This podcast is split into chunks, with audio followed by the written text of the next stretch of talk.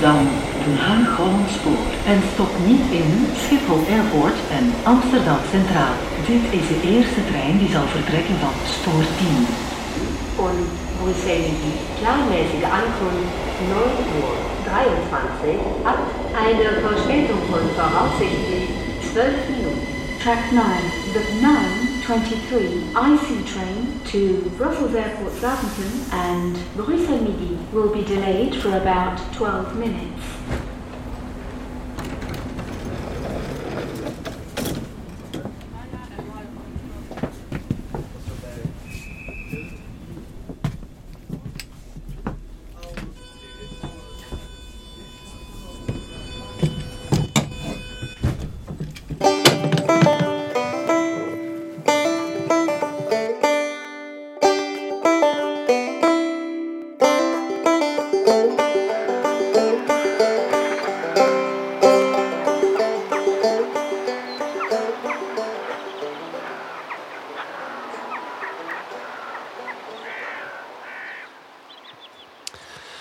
Hallo iedereen en welkom bij Fuit Fuit.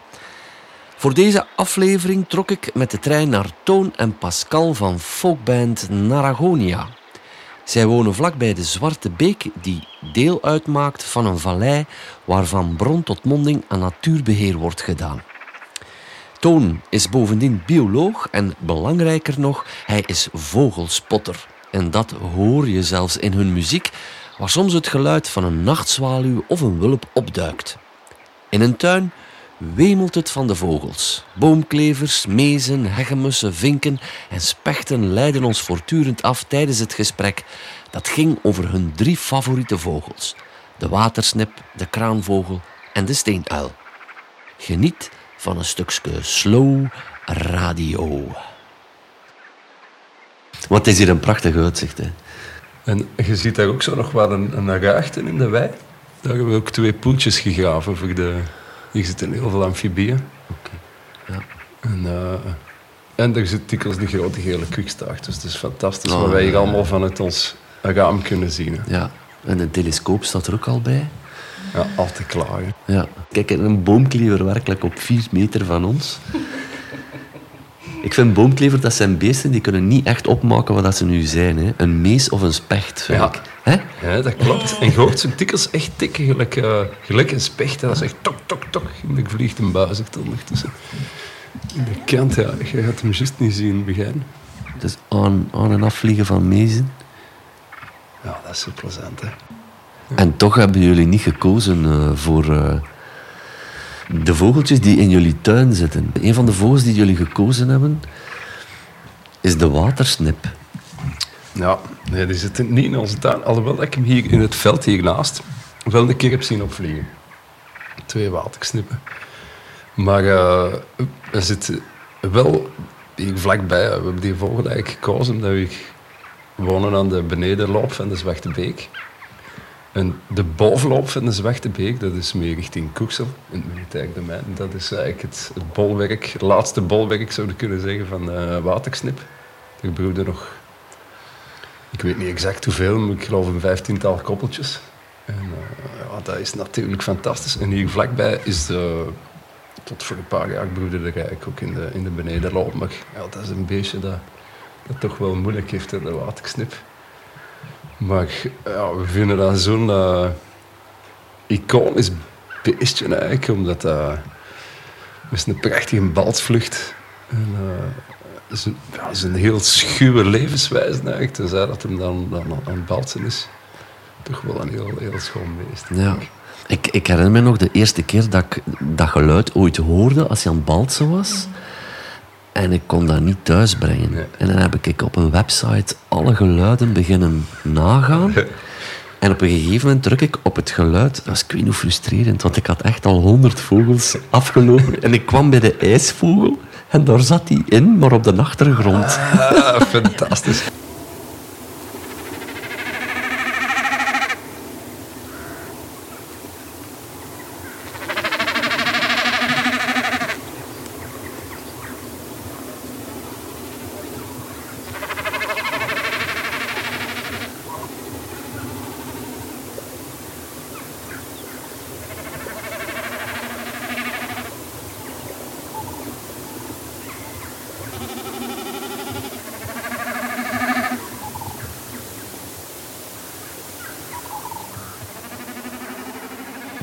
Maar die, die geluiden die worden... eh, dat, dat is eigenlijk geen zang, hè?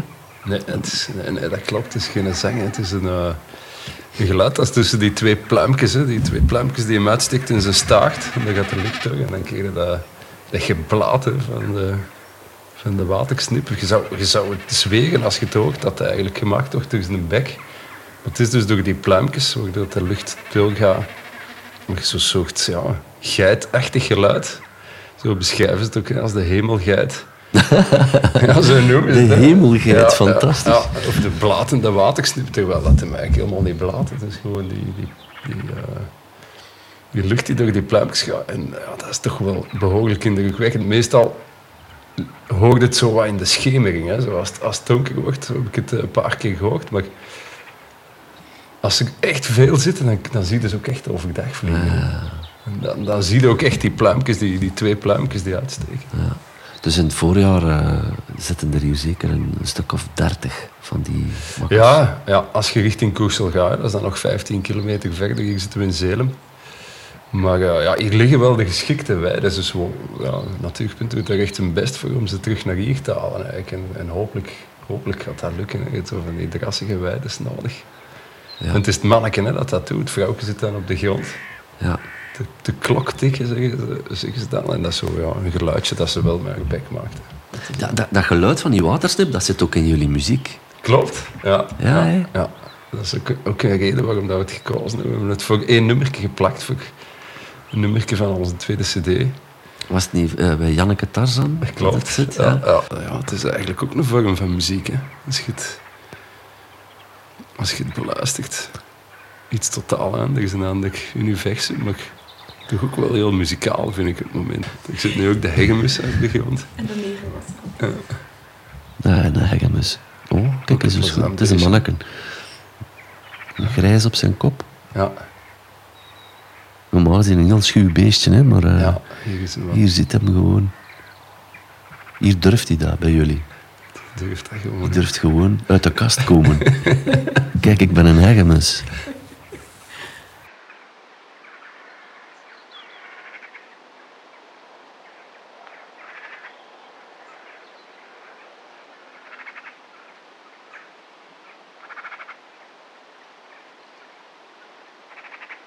Moeten wij nog iets zeggen over de watersnip? Of was dat het toen?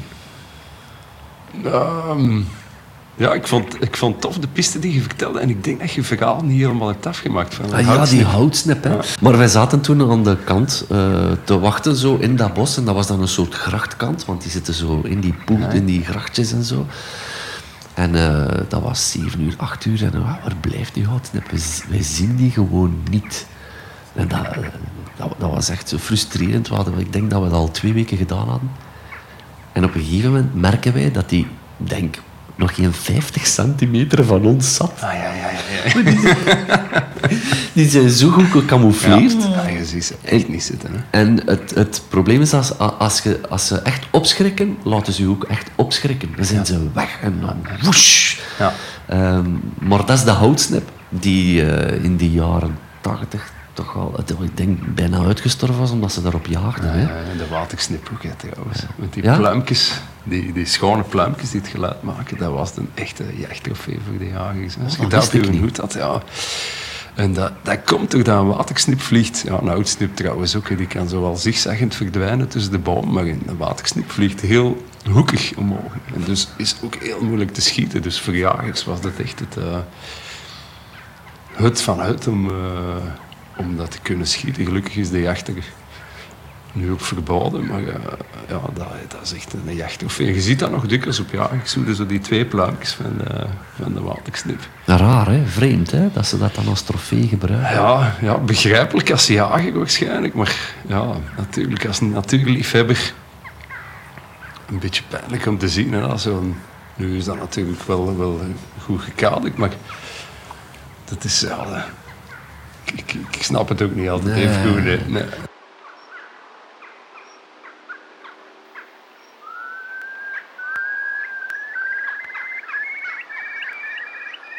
Pascal en ik, in het begin als we samen zijn, woonden we in Kasterlee. En daar zat een wulp die zo s'avonds af en toe, of s'morgens, jorlend eh, voorbij vloog. En dan, eh, dat, dat, dat is ook een, een herinnering aan die periode natuurlijk. En de Roodborg stap uit. We hebben dan lang in, in Lummen ook aan de Zwarte Beek eh, op een boerderij gewoond. Daar gaan we het zelfs nog over hebben. Daar zat een Roodborg stap uitje in onze, in onze moestuin. Ongelooflijk, zo het eerste jaar. En uh, dat hebben we dan ook, ja, gewoon omdat dat vogeltje dan vlak bij huis zat, ook, ook in onze muziek verwerkt.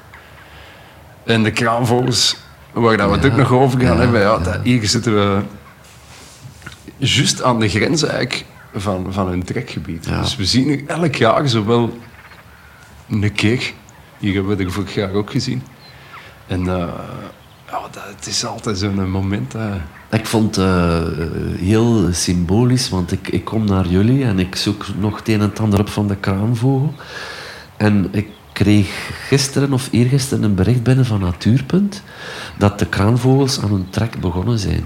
Ah, dus dat ze nu pas eigenlijk aan het uh, overvliegen zijn op weg naar hun uh, overwinteringsgebied. Ja. Uh, Portugal, Spanje, ja. en, in Lac d'Uder in Frankrijk. Ja.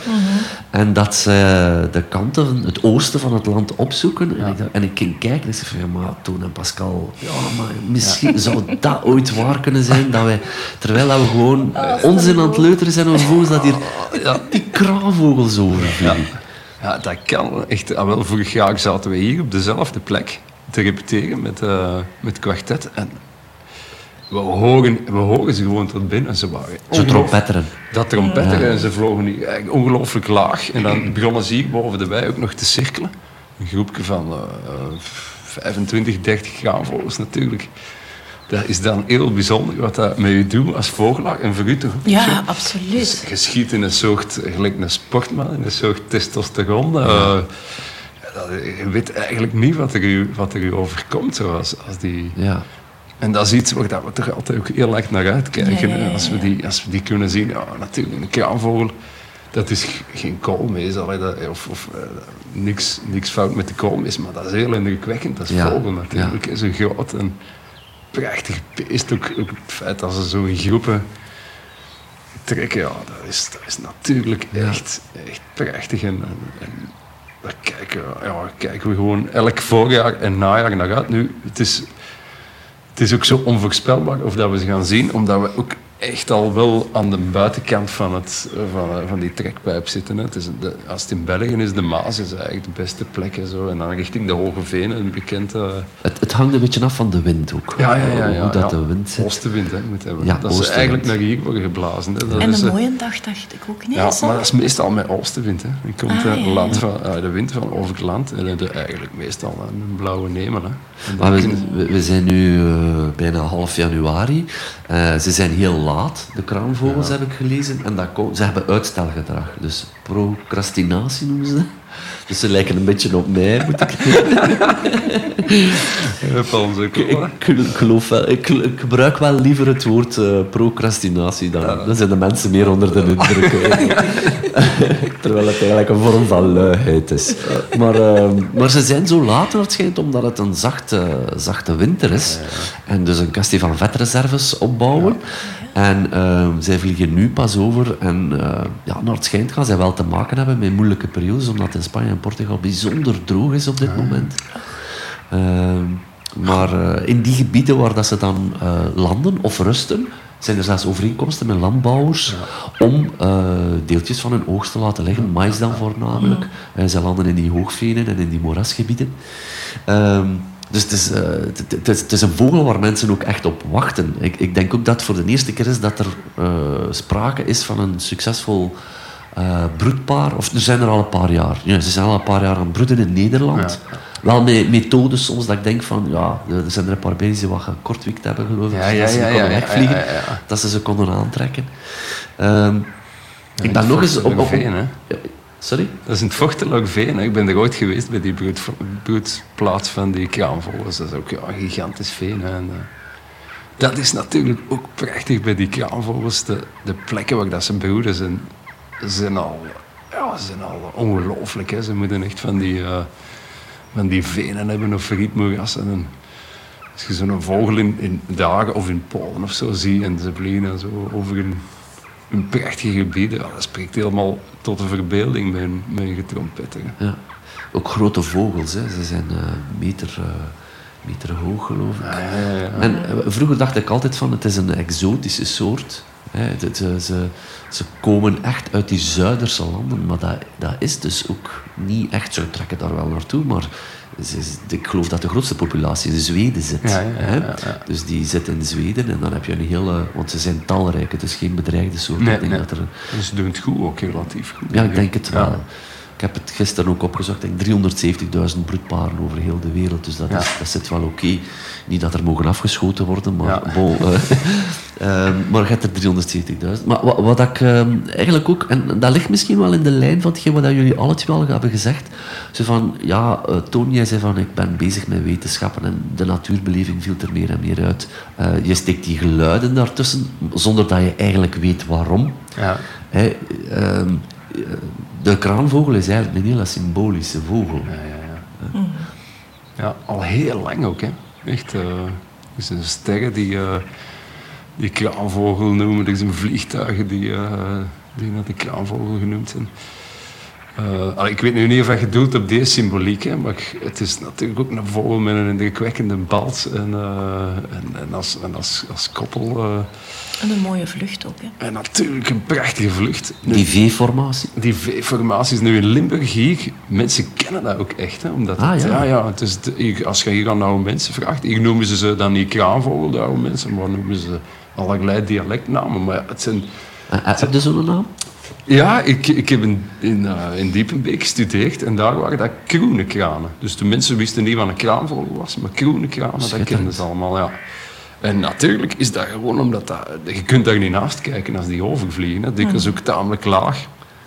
Met een enorm geluid dat je echt ja, tot binnen, vorig jaar was dat hier ook, je hoort het gewoon tot binnen. Het, het je hoort ze al van kilometers ver, kilometers toch al van heel ver aankomen. En dan natuurlijk geweldig grote vogels. En dan nog, ook nog het feit dat ze soms in groepen vliegen van ja, honderden of duizenden. Hè. Dat, dat is eh, ja, super indrukwekkend. Je moet er niet voor van vogels houden om dat, om Ja. dat eh, prachtig te vinden. Hè. Dus, ja, dat is een vogel die, die sowieso voor de mensen heel, heel opvallend en Indrukwekkend. is. indrukwekkend is. Ja. Ja. Ik heb een keer, als we... Dus we komen van een boerderij hier acht kilometer verder. En ehm, oh, dat is tien jaar geleden. Wel, als onze Louis vier maanden oud was, of drie maanden oud, ging ik hem in zijn wiegje leggen, in zijn kamer, op de eerste verdieping. Ik leg hem in het wiegje, ik kijk door het raam. Tegenover was een grote wei en die was vol kraanvogels. die echt ge... Allee, op... eh, Ja. En gelijk dat je zegt, een maïszakker. Er was Ja, dat was een, een- een heksel maïszakker. Ja, en daar ja. lag nog allemaal mais, dus die vogels hè, die vlogen daarover. Ja. En die kwamen daar naar beneden. Dat was, Dat was een ongelooflijk gevoel van wow. Dus ik direct naar beneden, toon, toon. Eh, dan zijn we gaan kijken, hebben een paar foto's genomen. Eh, en dan heb je, ik weet niet wie, iemand heeft Ja. gebeld. Enfin, direct werd er heen en weer gebeld. Ja. Dan was er al een vogelspotter ook op komst. Ja, die in de notte in Pannenveer, in, in- echt op drie kilometer van... ja, die was helemaal gefrustreerd. Ik dan kwam die aan uiteindelijk, toch met zijn auto. En dan zagen we ze heel in de verte zo... Ja, het spijtige was, ik ben dan boven blijven kijken. En de auto's reden voorbij, ze zagen het niet. Mensen kijken vooruit, allee, ik zag het niet. Is er één auto geweest die het wel zag, die is dan gestopt. En toen zei hè, meestal als je vogels ziet, rij gewoon wat trager, maar stop niet, want dan, dan ineens schrikken ze meer. Ja, dat is hetgeen dat dat klopt. En dat is hetgeen dat toen gebeurd is. Die auto stopt en op, ze vlogen allemaal op. Ja, en dan hebben we nog wat kunnen volgen zo. En dan zijn jullie toen niet met de auto? vertrokken? Nee, we zijn dan op de zondag proberen ze zo lang mogelijk Ah te zien. ja, dat was het.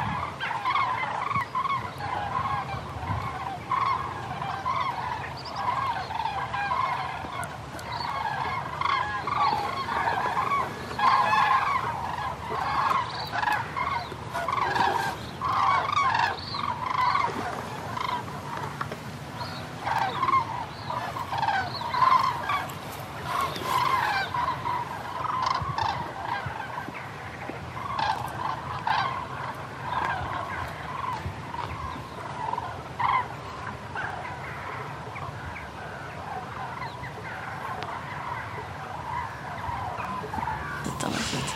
Maar ja, zalig geluksgevoel op dat moment toch. Ja. Van dat, eh, We hebben daar een vriend, of hadden, allee, nog altijd onze vriend, die woont daar op de Venusberg. Dat is een van die, van die heuvels hier uit het Haagland.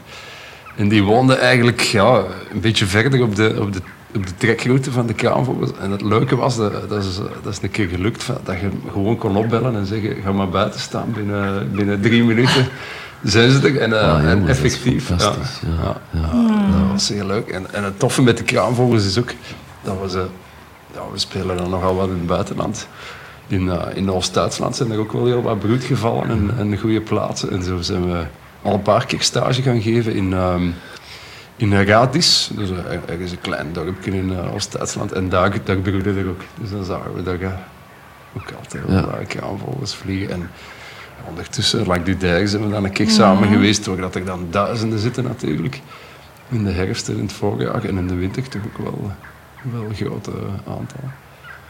En Extremadura natuurlijk, ja, waar dat we ook een keer met twee geweest zijn. Oh, fantastisch, hè? Ja, dat zijn allemaal plaatsen waar ze heel, heel duidelijk zitten en die worden ook vermeld in de literatuur ja, en zo. ja. Maar Tony gaat dat dan toch ook opzoeken. Ja, ja, en mijn vrouw Pascal moet dat moet mee. willen of niet. Ja, ja, ja. ja, ja. Eh, het zijn natuurlijk... Het is eh, heel, heel knap. Ik, en geloof ik toch wel zelfs voor iemand die echt niet van de natuur... of niet eh, zwaar geïnteresseerd is in de natuur... om die gebieden een keer te bezoeken. Dat is ook echt natuurlijk een soort ecotourisme. Omdat het zo indrukwekkend is. Lac du is niet eens zo ver. Eh, nog het noorden van Frankrijk, waar dat er duizenden vogels, soms tot, tot 50 of 70.000 vogels, eh, van die grote kraanvogels aan zitten. Eén gev- gevliegen, gefladderen en ge- en ge- getrompetter overal. Ja, dat is super knap. En daar komen dan ook nog andere vogels. Die, die symboliek, ik heb daar zelf ook nog wat rond opgezocht. Dat is, eh, in Afrika is het een hele belangrijke vogel. In Oeganda bedoel ik dan, hè, want Afrika is bijzonder groot Ja, als ja. werelddeel. Maar in Oeganda is hij bekend omdat eh, hij is ooit verwerkt in een eh, mythe. Namelijk, eh, er, er viel geen regen in Oeganda. En ze, koning Leeuw vroeg aan de cheetah van ga op pad, aan de olifant ga op pad, om, om op de een of andere manier aan regen te geraken. Dat lukte niet. Dan hebben ze de kraanvogels gestuurd en die hebben de wolken doorprikt, waardoor dat er regen kwam. Waardoor dat die kraanvogel een heel belangrijke betekenis heeft gekregen in, eh, Af, eh, in, in Oeganda in Ja. ieder geval. Eh, het is wel niet de kraanvogel die we hier zien. Het is die, die, Die met die kroon, met die kroon op zijn, op zijn hoofd. Ik vind dat het die vaak is die je toch... De kroonkraanvogel, ja. En hij is ook ehm, bekend natuurlijk in Azië, in China, waarin, waarin ze origami doen. Mooi. En ik geloof dat daar eh, de traditie bestaat eh, dat je een goede gezondheid behoudt als je er duizend kunt vouwen. Ja, dus als je duizend kraanvogels kunt vouwen, origami, dan ga je geluk en, en voorspoed eh, tegemoet komen. Ja, dus in Vietnam denk ik dat het zelfs op bepaalde momenten in de vlag verwerkt wordt. De kraanvogel, hè, dat die daarin verwerkt wordt. Eh, dus in Azië speelt die eh, eigenlijk een hele belangrijke rol als Ja. symbolische vogel eh, Ja, voor vooral gezondheid. Ja, zeg ik met een verstopte neus. Ja, daar vliegen ze ook over de Himalaya. hè. Ze zien er ook eh, heel... eh, ja, ze zien er prachtig uit als ze staan ook. Hè. Ze hebben eh, die, die achterkant, die, die dat zijn die, die, die pluimen. Dat is precies zo'n rommeltje. Want ze hebben zo'n struisvogelachtig Ja, ja, ja, uit. Zo'n combinatie tussen struisvogel en eh, ooievaar. Ja. En dat lijkt zo'n een, een rommeltje te zijn. Ook ze hebben zo die rode kruin, waarvan je denkt van ja, dat zijn pluimen, maar dat blijkt gewoon ja, huid te zijn die rood is en die een heel belangrijke oh, rol speelt. Ja. In de, of tijdens de bals ook, Ja, zoals jij zei, dat, dat, dat heb je ze al zien dansen. Ja, ja, heb ik al wel gezien. Ja. Ik ben jaloers. Ja. ja, dat heb ik gezien. En je kunt dat eigenlijk ook wel zien in... ehm, niet zo ver van hier, de Argonne, een beetje richting uh, Lac du Dijk. Ook een bekend gebied voor, voor natuurliefhebbers natuurlijk. Daar, zijn ook wat, daar heb ik het ooit gezien, laat in de lente. Dus die vogels die beginnen al wel dat balsgedrag te vertonen, voordat ze eigenlijk naar hun echte broedplaatsen gaan. En daar heb ik het ooit, ooit wel gezien, dat ze zo echt eh, tegenover elkaar staan en dan beginnen springen met hun vleugels. Ja. En hun eh, kop zo in hun nek leggen, een beetje ooievaarachtig, maar dan zonder kleppen. Dat is eh, natuurlijk super mooi om te zien. Hè. Ja, wat, wat dat voor veel wetenschappers eh, raar is, is dat die kraanvogels dansen, maar dat daar eigenlijk geen reden toe is, omdat zij monogaam zijn. Dus de, de koppels eh, gaan jaren mee, zal ik maar zeggen. Dus waarom is er een bals? Maar goed, Ja, ja. Ik, ik denk dat we ze vooral laten balsen en dan kunnen wij genieten van Voilà, de dans. voilà, Maar de steenuil, waarom hebben jullie die gekozen? Wel, we hebben die, die steenuil gekozen omdat dat een vogeltje was.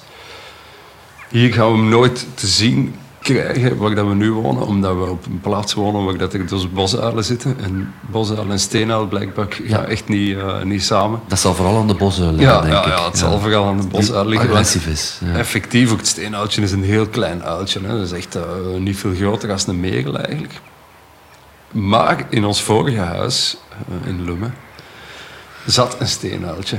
En een steenuiltje dat eigenlijk broedde quasi aan onze achterdeur, een beetje verder. En dat, was, eh, dat vogeltje was voor ons allebei, op een duur voor heel ons gezin, toch ook wel een beetje een, eh, een, een deel van ons bestaan, zou je kunnen zeggen. Want als we thuis kwamen, dikwijls s'avonds later van, van muziek te spelen, dan dat uiltje was er eigenlijk altijd. Ja. En vooral, allee, dan vooral als ze, als ze met jongens zaten. En op den duur, zo'n uiltje is heel schuw. Als je, ik denk dat veel mensen, als ze er zouden wonen, het niet echt zouden merken buiten dan het geluid dat dat uiltje er zit. Maar één keer als je erop begint te letten, ziet het eigenlijk overal. Eh, Het is een kwestie van te zoeken naar, naar de plekjes waar dat hem overdag zich zo wat rustig zet. Zo. En als je die wist, ja, dan, eh, dan kon je er eigenlijk zeker van zijn dat je hem ging zien. Dus al vrienden die daar kwamen, hebben die steenuil ook gezien. Terwijl veel mensen nog nooit een uil eh, hadden gezien. Ja. Je kon ervoor gaan staan, effectief. Dus, dus ze zat dan in, in een boom, eigenlijk daar op de, hier het begin van die gordijnen, vijf meter verder, zat dan dat steenuiltje te kijken met zijn, ja, zijn zo heel, heel felle gele ogen. En eh, ja, dat is toch een beetje een deel van, eh, van ons gezin geweest, dat uiltje. Ook, ook, ook met het geroep, eh, s'avonds zo dat wieuw. En natuurlijk, dat beestje broedde dan in een, in een klein kotje vlak aan ons achterdeur. We volgden dat dan op. Ik heb dan zo'n keer een camera gekocht. Ik heb er zelfs wat filmpjes laten zien. Ik heb er honderden filmpjes van gemaakt. Van, van, de, van dat uiltje en ook wat hem allemaal binnenbracht in de, in de, in de, in de broedperiode. Pascal vraagt of ik mijn neus moet snuiten. Moet je een neus Waardoor dat ik, dat ik bang ben dat ik hier echt met zo'n een snottenbellenneus zit.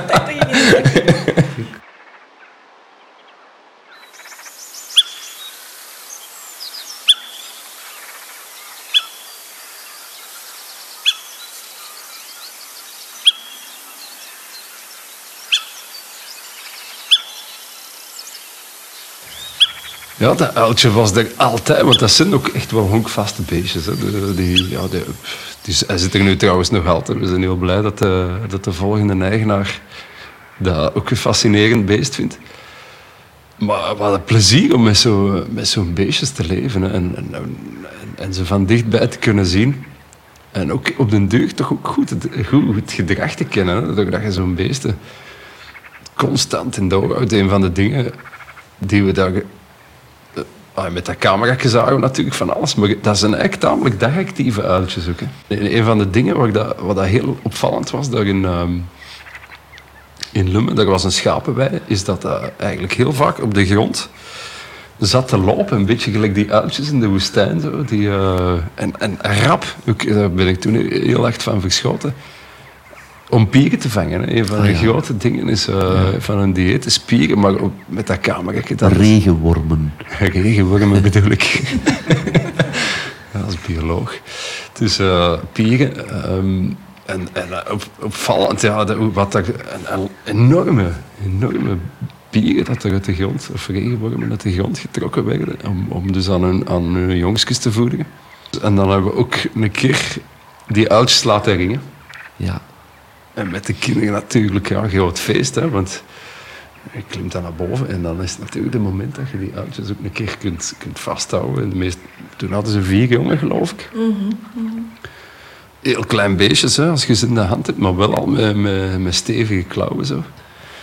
Heel, heel schattige, pluizige bolletjes. En eh, dat we dan een keer laten doen. Daarna heb ik het niet meer laten doen, om, om- omdat... eh, ja, dan waren de, de oude vogels geringd eigenlijk. En dan liet ik ze soms liever gewoon gerust. hoor, Want het is... Had je braakballen uitgeplozen? Nee, we hebben dat wel een keer gedaan van, van de kerkuilen, maar dat, ja, dat is dan iets anders. Maar een steenuil heeft zo heel kleine hè. En, eh, hetgeen wat ik kon zien bij, bij de filmpjes was een beetje zijn dieet. Dat was wel heel plezant. In, de, in die broedperiode eh, vingen we eigenlijk ook veel muizen. En af en toe daar waren we heel ver- verbaasd van de megel. Maar de megel is even groot als hem. Ja. Dus die kwam er dan aange geschuffeld met een merel, maar dus ja, ik denk dat hem die amper omhoog eh, in de lucht kreeg. En dat ook in dat gatje van die nestkast moesten die dan echt uh, dikwijls vier, vijf keer. Maar hoe, hoe, hoe zou die die gepakt hebben? Die kan hij toch niet slagen? Ik denk dat het gaat om jonge vogels, die nog niet helemaal eh, vliegvlug zijn. Maar ja, het is indrukwekkend om een vogel te zien met eigenlijk een beest dat even groot is als hemzelf. En dat dan toch eh, naar binnen in die nestkast te sleuren. En ook af en toe een libel en zo. Het, het, dieet van zo'n steenuil is toch heel gevarieerd. Maar een van de dingen die we ook op die filmpjes zagen was een steenmachtig. Die dus naar de, als die, ja, als die jongen groot worden, beginnen ze zo te blazen, eigenlijk zo'n betelroepje. En dat trekt natuurlijk de steenmachtig ja, of, of andere roofdieren aan. En een van de filmpjes is dus een steenmachtig die dus over het tak van dat kotje richting de kast van, de, van die steenuil gaat. En probeert binnen te geraken. En op dat filmpje zie je ook nog het vrouwtje dat die in die bak zit, in dat gatje. Zie je, eh, die hoort iets, je ziet die naar buiten komen. En op die moment ziet ze die steenmachtig en verdwijnt ze terug in de bak. Nu, het goede aan die kasten van de steenuilen is dat daar een soort tussenschotje in zit.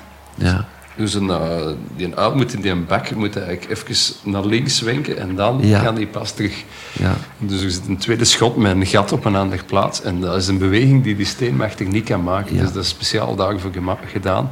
En je ziet de steenmachtig dus eh, proberen om er binnen te geraken, maar het lukt hem dus niet. En dat heb je op film. Ik heb het op film. Maar is ik het Het is, eh, het is een heel grappig komisch zicht, want je ziet dat steenhuiltje niks vermoedend zo even naar buiten kijken en dan zo... Ja, ik ga Ja. het je laten zien. Hè. Ik heb Kijk, heel veel films. Dat is National Geonaragonia, is dat. Weet je wat dat de Latijnse naam is van die steenuil? Ik kwam me daar normaal gezien niet mee bezig. Hè. Ja, dat is ik weet A- Ja, zeg maar. Zegt jij. Nee, nee. Athene Noctua. ja, Athene Noctua. Weet je waarom dat, dat is? Nee, dat weet ik niet. Omdat ehm, bij de oude Grieken was eh, de steenuil de beschermer van eh, de godin Athene. Ah ja, oké. Athena. En die, ehm, die waakte over de stad Athene. En dat was een quasi bijna heilig beest, omdat die op de Acropolis ook broedde. Ja, ja, ja. En niemand durfde die aanraken. En in Athene, bij de oude Grieken, was dat een heel voornaam beest. Beschermer, echt. En er bestaan verhalen dat wanneer een uil overvliegt tijdens een, een veldslag of, of vergezeld van, geeft dat een, een, een goed teken. Dus dat is een, eh, teken van, we gaan die veldslag hier winnen. Ja. Ja. Ehm, en je ziet eh, in Griekenland op de euromunt staat hij nog altijd. En bij, en bij de Perzen is het meer een, eh, een slecht voorteken. Ja. Eh, ik heb eh, al gehoord dat ze hem eh, bijvoorbeeld eh, aan de deuren timmerden. Ja, ja, ja. Effectief. Dat is een gebruik dat hier ook, allee, ook werd gedaan hè, voor de duivels. eh. Hier? Ja, ja, ja, de uilen aan de schuurdeur. Hè. Dat zijn hier wel de kerken. Een kerkuil. En het, het straffen is, dus ik ben onlangs nog in... in het is een- ik zeg onlangs, maar het is een jaar geleden in Frankrijk geweest. En eh, daar hing een, schuur, een Nee, toch? ges- gestroopt in een, allee, zo opgehangen in een schuur. En dan, nog altijd hetzelfde volksgeloof. Ja. Dus dat is nog altijd eh, bestaat. Bestaat, die, eh, ja, bestaat dat geloof toch wel, ja. Dat is uh, bizar. Komt dan een activiste nu naar boven om... eh, Eh, ja, nu, dat waren mensen die dat huis gekocht hadden en het was blijkbaar de vorige eigenaar, maar ja, daar kan ik toch wel, kan ik wel verdrietig van worden. Ja, dat is zo- zo'n schoon beest en eigenlijk voor, voor niks natuurlijk. de buizerd is hier. Ja, ja. Hij vliegt naar de eik. Oh, kijk eens hoe schoon.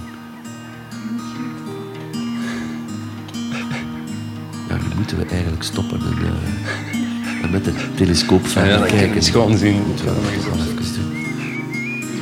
Toon is heel hebberig nu, gaat eerst naar de telescoop, terwijl ik eigenlijk zijn gast ben.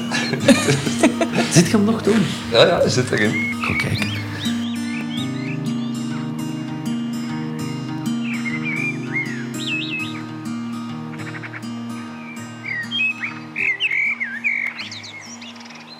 Het werd daar een eh, leuke namiddag op bezoek bij Naragonia, dames en heren. En ehm, ik verwijs u heel graag naar hun website www.naragonia.com om eh, eens eventjes te kijken en te neuzen naar de hoezen van hun cd's die bol staan van de natuurfoto's of eh, fragmenten te beluisteren van hun muziek. In ieder geval maak kennis met hun eh, repertoire. Ehm, de filmpjes waar Toon en Pascal over spraken van de steenuil met de merel en de pier, zoals hij zei, eh, en de steenmarter, die kan je bekijken op mijn website www.beginlebleu.be. Eh, daar eh, zie je het tabblad podcast. Dat klik je aan en dan ga je snel de filmpjes zien van die steenuil. Toch wel een surplusje erbij. Toon zei toen ook nog tijdens het gesprek dat hij wel gratis ziet om iets te doen rond eh, bosklasjes organiseren daar waar hij woont. En ik moet u echt zeggen, dat is een ideale plaats om dat te doen. Ehm, ik hoop u in ieder geval geboeid te hebben met de tweede aflevering van Feed Feed. En wat een plezier was het om te horen dat bijvoorbeeld eh, een vogel als een steenuil een plaatje in het gezin kan nemen. En zelfs niet in gevangenschap, maar gewoon aan de overkant van hun huisje in een eh, boom. Wens mij nog u tot ziens te zeggen en eh doe dat goed, hè? Goed vogelen.